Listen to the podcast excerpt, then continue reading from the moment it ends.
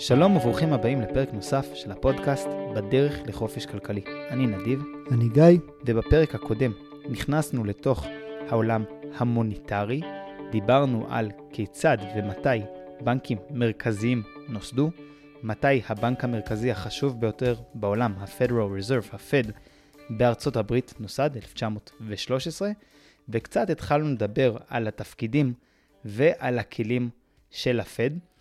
ואת הפרק הזה אנחנו רוצים קצת לשאול, למה בכלל כל כך חשוב לנו לדבר כשאנחנו מדברים על מדיניות מוניטרית? למה אנחנו מתרכזים בבנק המרכזי של ארה"ב? הרי גם בישראל יש לנו את בנק ישראל, שגם לו יש פחות או יותר את אותם כלים שיש לפדרל ריזרב.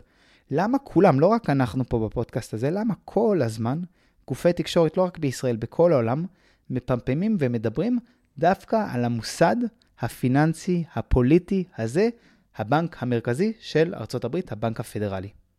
כמו שאמרנו, ה-Federal Reserve הוא הבנק המרכזי של ארצות הברית, וארצות הברית, כמו שאנחנו יודעים, היא הכלכלה הכי גדולה, גם מבחינת GDP, והכי משמעותית בעולם הכלכלי. ארה"ב היא מהרבה בחינות המרכז של העולם הכלכלי היום, ולמרות שיש אה, מדינות אחרות שמנסות ככה לעלות ולקחת חלק מהעוגה, ארה"ב היא עדיין השחקן הכי הכי דומיננטי, ולכן כל דבר שמשפיע על הכלכלה הכי גדולה בעולם, ולכולם יש היום קשרי מסחר עם הכלכלה הכי גדולה בעולם, זה בהכרח, בהכרח ישפיע גם על השחקנים האחרים.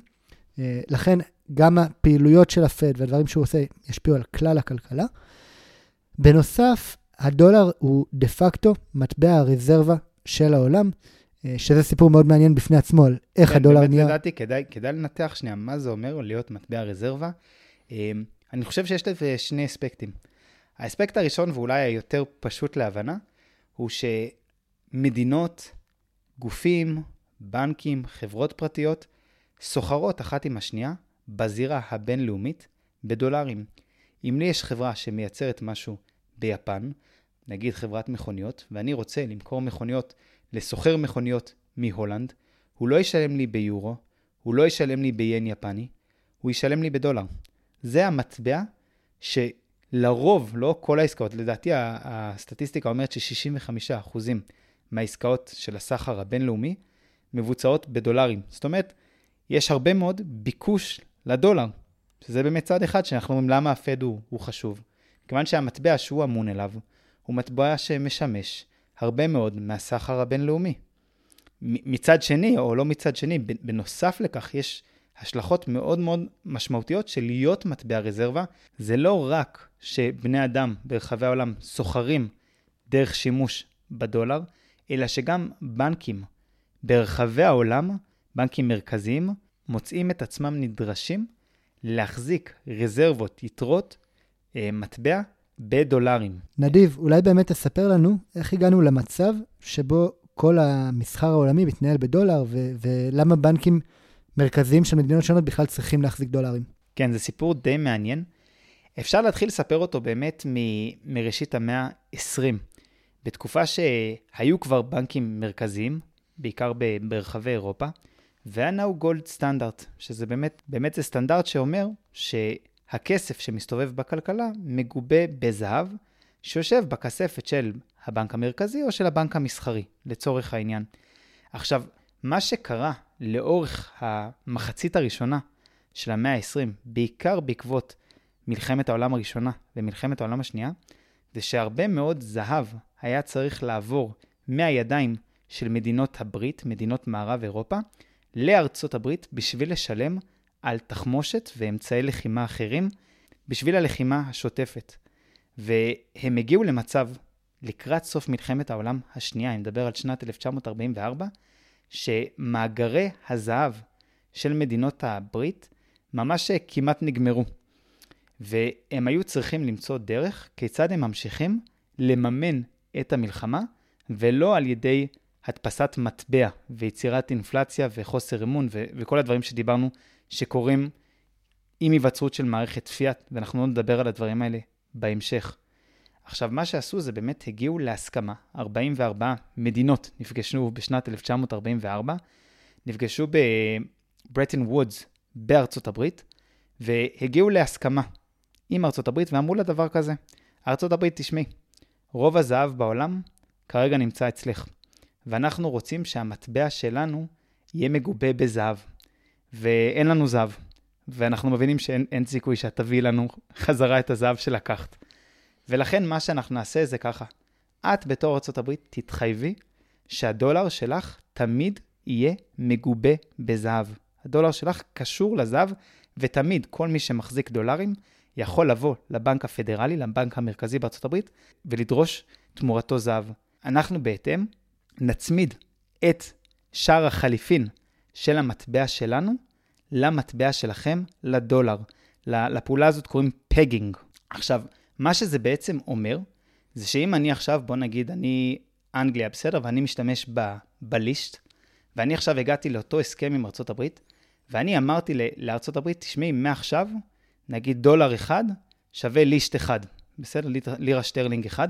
אז אני צריכה, בתור בריטניה, לוודא שלא משנה מה קורה בכלכלה שלי מבחינת הגדילה של היבוא, הגדילה של הייצוא, שהם דברים שמאוד מאוד משפיעים על שער המטבע שלי, אני צריכה לוודא תמיד שהלירה סטרלינג שווה לדולר. וזה בעצם אומר איך אני עושה את זה. אני מחזיק ברזרבות שלי דולרים, ואני משחרר דולרים, מוכר דולרים וקונה לירה סטרלינג, או עושה פעולה הפוכה, בהתאם לביקוש וההיצע, ככה שאני תמיד שומר על אותו שער חליפין שסיכמנו עליו מראש, והמצב הזה בעצם גרם לכך שבנקים מרכזיים ברחבי העולם פתאום היו חייבים להחזיק דולרים ולהחזיק דולרים בכמויות גדולות מאוד, וזו המשמעות של להיות מטבע רזרבה. בעצם במקום להחזיק את הזהב בכספות של הבנקים המרכזיים, הם החליפו את הזהב בדולרים, מתוך הבנה שהם יכולים לקחת את הדולרים האלה ולהחליף אותם בזהב בארצות הברית. אני מבין נכון? בדיוק. עכשיו, אני חושב שכדאי ללמוד פה כמה דברים מההיסטוריה, סתם לחיים שלנו. דבר ראשון זה לשים לב שארצות הברית, במהלך ה... בוא נגיד המחצית הראשונה של המאה ה-20, לא מוכנה למכור סחורות למדינות מערב אירופה בתמורה לכסף פיאט. היא לא מוכנה בתמורת לשטרות שהמדינה מתחייבת שלשטרות האלה יש איזשהו ערך. היא מבקשת, תמורת הסחורות, הנשקים, הטנקים, מה שזה לא יהיה, המטוסים, היא מבקשת זהב. כאילו היא אומרת, תביאו לי כסף אמיתי, תביאו לי משהו שיש לו ערך. ואני אומר, זה מאוד, אה, זה מאוד מעניין, כי היום כל אחד מאיתנו מוכן לעשות המון דברים בשביל שטרות נייר שלא מגובים בשום דבר, ו... ואולי אפשר ללמוד ממדינות שהן קצת יותר מתוחכמות מאיתנו כשחקנים קטנים, מה, מה אנחנו צריכים להסכים לקבל ככסף. אני לאו דווקא אומר שזה זהב הוא הדבר היחיד שיכול להיות כסף, אבל אני ודאי אומר דברים שיש להם ערך אמיתי, ולא איזשהו ערך שמבוסס כולו על אמון. והדבר השני שאני חושב שהוא בכלל הזיה, זה אם ניזכר, דיברנו בפרק על דיפלציה ועל השפל הגדול, דיברנו על כך שאחרי השפל הגדול, אחרי המיתון של השפל הגדול, רוזוולט בעצם דורש מכל האמריקאים להפקיד בחובה את כספם או את זהבם בבנקים המרכזיים המקומיים הפרוסים ברחבי ארצות הברית, ומה שהוא בעצם עשה זה שהוא שילם תמורת הזהב הזה 20 דולר לאונקייה, זה המחיר שהוא קבע שיהיה מחיר האונקייה, לא מחיר של שוק חופשי, ולאחר מכן הוא קבע שלא, מעכשיו השווי של אונקייה אחת של זהב במקום 20 דולר זה 35 דולרים, ובעצם הוא יצר פיחות בשווי הדולר. עכשיו, מה שמטורף ש-10-11 שנים אחרי הסיפור הזה, מדינות אירופה מגיעות לארצות הברית ומוכנות לחתום על, עם ארצות הברית על הסכם שבו ארצות הברית מתחייבת לא לעשות את בדיוק מה שהיא עשתה לאזרחים שלה עשר שנים קודם לכן. פשוט אי אפשר להמציא דברים כאלה. מדהים, אבל אני מניח שאחרי כל הסיפור הזה, אה, הברית כיבדה את ההבטחה שלה, נכון? כן, היא כיבדה את ההבטחה הזאת לעוד 20-30 אה, שנה, עד 1971. שהנשיא אה, ניקסון מודיע לעולם שזמנית ארצות הברית יורדת מהגולד סטנדרט, ומאז ועד היום אנחנו ממתינים שההבטחה של אה, ניקסון תקוים, ונשארים בתוך מערכת הפיאט שאנחנו מכירים היום, שהכסף בעצם לא מגובה על ידי שום דבר בעל ערך. מרתק. עכשיו, הסברנו שהדולר משמש כמטבע הרזרבה העולמי, הסברנו שיש לזה שתי משמעויות. המשמעות הראשונה זה שבנקים ברחבי העולם מחזיקים רזרבות, בנקים מרכזיים ברחבי העולם מחזיקים רזרבות של דולרים, וששחקנים שונים במסחר הבינלאומי סוחרים באמצעות הדולר. עכשיו, הדולר הוא לא מטבע הרזרבה היחיד הקיים בעולם, ואנחנו רואים מגמה שעם הזמן, השימוש בדולר לשתי המטרות האלה יורד. היום הדולר משמש ל-62% מהטרנזקציות של הסחר הבינלאומי, היורו משמש לכ-20%, ואז יש עוד שורה של מטבעות, ביניהם היין היפני והיואן הסיני, אה, שמשמשים גם כן יותר ויותר לסחר בינלאומי, וגם בנקים מחליטים יותר ויותר עם הזמן להחזיק רזרבות של מטבעות אחרים בשביל לייצב את המטבע שלהם.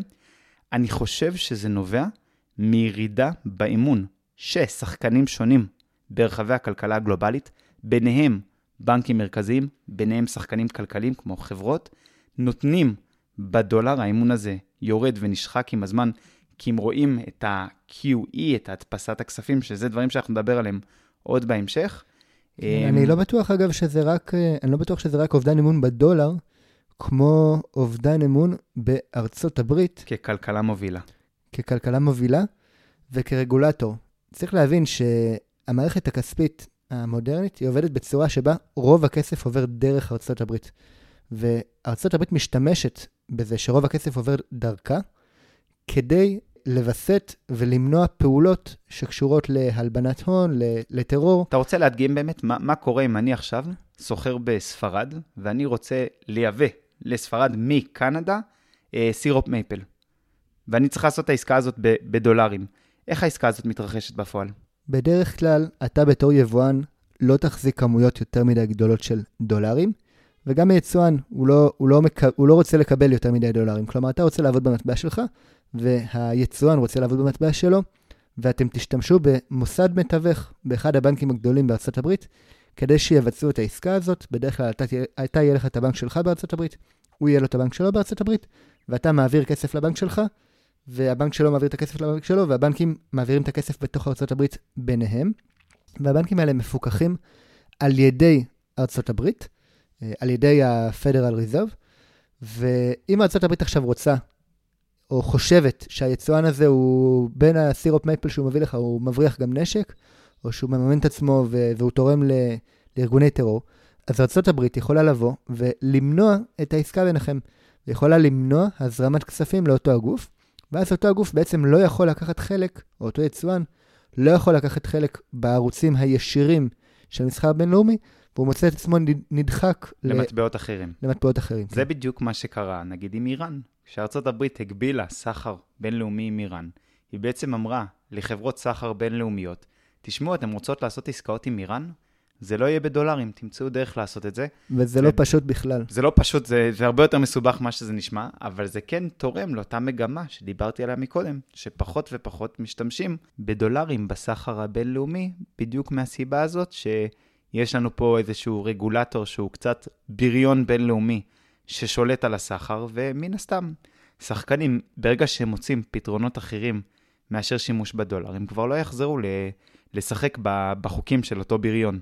עכשיו, גיא, דיברנו על יתרון אחד שיש לארצות הברית בתור המחזיקה של מטבע הרזרבה הבינלאומי המשמעותי ביותר, על הכוח הבריוני הזה.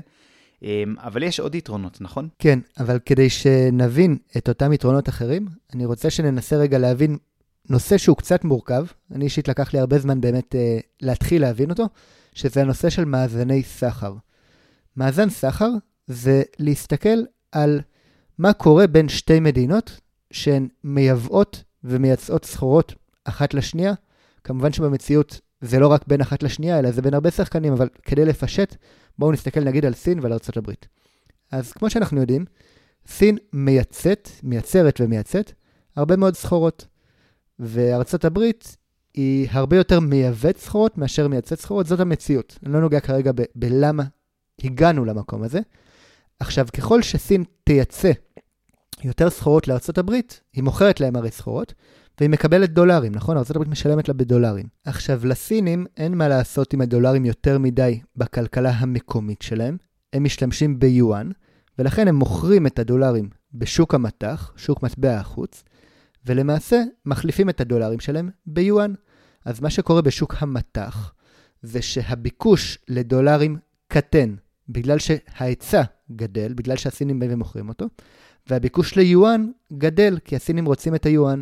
אז אם הביקוש לדולר קטן והביקוש ליואן גדל, אז שווי המטבע של היואן עולה. גדל ביחס לדולר, כלומר שער החליפין עולה לטובת היואן. עכשיו, אם אני יצרן צעצועים סיני, ואני מייצא צעצועים לארצות הברית, והאמריקאי רגיל לשלם בעבור הצעצוע שלי 10 דולרים, ועכשיו שער היואן עלה ביחס לדולר, והאמריקאי צריך לשלם לי יותר דולרים בשביל שאני אקבל את אותו היואן.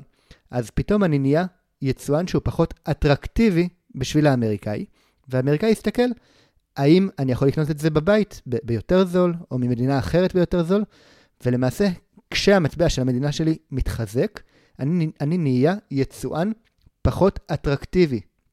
וכשארצות הברית המטבע שלה חזק, היא בעצמה יצואן פחות אטרקטיבי, וכפונקציה של זמן, ככל שהמדינה מייצאת יותר, המטבע שלה מתחזק, ואז בעצם היא נהיית יצואן פחות אטרקטיבי, והמדינה שייבאה הרבה, המטבע שלה נחלש, והיא צריכה להיות עכשיו היצואנית. היצואנית. כלומר, זה קצת מין כזה משחק תפקידים. עכשיו, מי במרכאות נהנה במשחק תפקידים הזה ומי סובל? מי שנהנה זה מי שיכול לקנות סחורות בזול. נכון, אם אני אמריקאי ואני יכול לקנות מהסינים בזול ומהאירופאים בזול ומכולם בזול בגלל שהמטבע שלי חזק, וכשאני מטבע רזרבה, אז יש הרבה ביקוש לדולרים שלי, אז המטבע שלי הוא חזק, אז אני נהנה מכוח קנייה חזק בכל העולם, ואני יכול להרשות לעצמי, לפחות כל עוד המאזן הזה נמשך, להיות net importer, כלומר, לייבא יותר ממה שאני מוציא. עכשיו, ארצות הברית היא לא היחידה שנהנית מהמאזן הזה. נכון, היא נהנית מהסחורות והשירותים, והסינים עובדים מאוד מאוד בזול, אה, אבל זה לא סתם שהם מסכימים לעבוד בזול.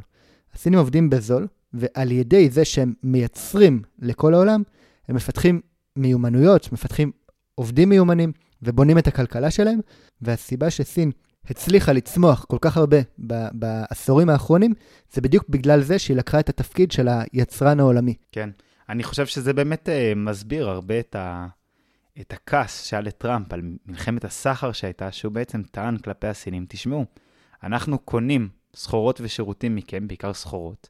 אתם צריכים בהתאמה לקנות מאיתנו. ובפועל, מה, ש, מה שהסינים עושים, זה שהם כל הזמן גם מפחיתים בערך המטבע המקומי שלהם, בשביל לשמור על כך שהמטוטלת שדיברנו עליה מקודם, שאמורה להתאזן עם הזמן, הלוך ושוב בין מדינה שהיא יותר יבואנית לבין שהיא תהיה יותר יצואנית, הסינים לא מאפשרים למטוטלת הזאת להתקיים. נכון, כלומר, במקום ש... במקום שהכלכלה של סין תתפתח והאזרחים ייהנו מהכלכלה המפותחת, סין, על ידי משחקים בשערי המטבע ופיחות של המטבע שלה, למעשה כל פעם שומרת את מאזן התשלומים, או לא את מאזן התשלומים, שומרת את, ה, את, ה, את שער המטבע כזה, שהסינים יעבדו קשה ו- ויפתחו את הכלכלה שלה. כלומר, סין מעדיפה להיות כלכלה חזקה מאשר כלכלה שנהנית. שלה. נכון, נכון. אני, אני רואה את זה ממש כעבדות מודרנית.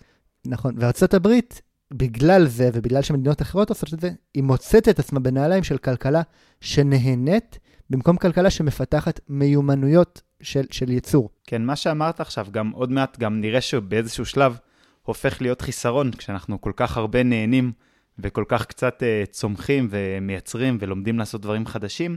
אבל אני רוצה שנמשיך ולדבר על עוד כמה יתרונות שיש בלהיות מטבע רזרבה בינלאומי. קודם כל בצד האינפלציה. כשאני מדינה קטנה, כמו מדינת ישראל, היצע הכסף שאני יכול לייצר, להגדיל, הוא מוגבל. הוא מוגבל מכיוון שאם אני אציף את השוק הישראלי בשקלים, אז הישראלים יאבדו אמון בשקל והכלכלה שלי תיראה בהתאם. זה לא ישפיע על אנשים שגרים בשוויץ או בדרום אמריקה, כי הם בכל מקרה לא מחזיקים שקלים. עכשיו, לכן זה אומר שאני מוגבל בכמה אני יכול להדפיס את, ה, את הכסף שלי.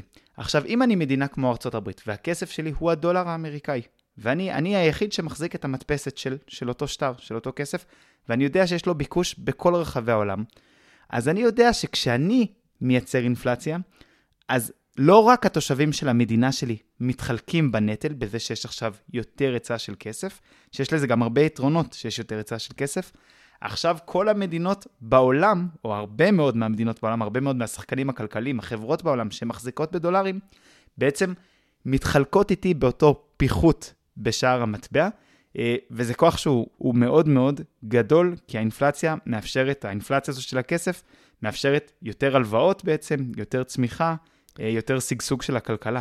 עכשיו, יש לדבר הזה יתרון אחד נוסף, שהוא יתרון מאוד משמעותי בעיניי. דיברתי על כך שבנקים ברחבי העולם, ולא רק בנקים, מחזיקים רזרבות מאוד מאוד משמעותיות בדולרים. הרזרבות האלה, אפשר להחזיק אותם פשוט כ- כדולרים כפי שהם, אבל הדולר הוא, הוא מטבע, הוא לא מניב תשואה כשלעצמו, ולכן הרבה בנקים מרכזיים מחליטים, במקום להחזיק דולרים, להשתמש באותם דולרים ולקנות אג"ח אמריקאי, שהוא בעצם איזשהו כלי, הוא כלי, זה בעצם רחוב אמריקאי, שמניב תשואה דולרית, הוא נחשב מאוד מאוד יציב ובטוח, ובעצם מה שקרה זה שגדל בעקבות כך שהדולר הפך להיות מטבע רזרבה בינלאומי, מטבע סחר בינלאומי, גדל הביקוש לחוב בדולרים, ובעצם גדלה האפשרות של ממשלת ארצות הברית להנפיק חוב. נכון, זה לא סתם שארצות הברית היא המדינה עם החוב הכי גדול מבחינת כסף. החוב הלאומי של ארצות הברית הוא בגבולות ה-30 טריליון דולר. גם באחוזים החוב שלה הוא מאוד מאוד גדול, כלומר אה, חוב של אה, כמעט 130 אחוז ביחס לתוצר, ואני לא חושב שהייתה יכולה להתקרב לרמות חוב כאלה מבלי ליהנות מהיתרונות של להיות אה, מטבע הרזרבה העולמי. אז לסיכום העניינים, התחלנו את הפרק בלשאול למה עיני העולם נשואות דווקא אל הבנק המרכזי של ארצות הברית. דיברנו על כך שארצות הברית היא גם הכלכלה המשמעותית והגדולה ביותר בעולם, וגם על כך שהמטבע שלה, הדולר, משמש כאחד ממטבעות הרזרבה, בעצם כמטבע הרזרבה המשמעותי, הגדול ביותר בעולם. דיברנו על יתרונות, חסרונות, המשמעות של להיות מטבע רזרבה. ובפרק הבא אנחנו באמת הולכים לדבר יותר לעומק על המטרות והכלים של הפד. ובעצם, גיא, אנחנו ננסה לבחון האם הכלים שיש בידיו של הפד, יש לו כלים שהם מוגבלים, האם הכלים האלה באמת יכולים לענות על הצרכים שהפד מנסה לענות עליהם, ואם לא, אמ, איזו מציאות זה יכול ליצור. כן, ואני אתן פה איזשהו טיזר קטן, שהמטרות שהפד מכוון אליהן, הן לא בהכרח המטרות שאנחנו רוצים בתור אנשים פרטיים שחיים בכלכלה. נכון מאוד. טוב, תודה שהאזנתם לפרק נוסף של הפודקאסט בדרך לחופש כלכלי. אתם מוזמנים לעקוב אחרינו בדף הפייסבוק, לשאול שאלות, להעיר הערות. איננו יועצים פיננסיים, ולכן יש לקחת כל מה שנאמר בפודקאסט בערבון מוגבל. אנחנו בסך הכל משתפים אתכם בדרך שלנו לחופש כלכלי. בהצלחה.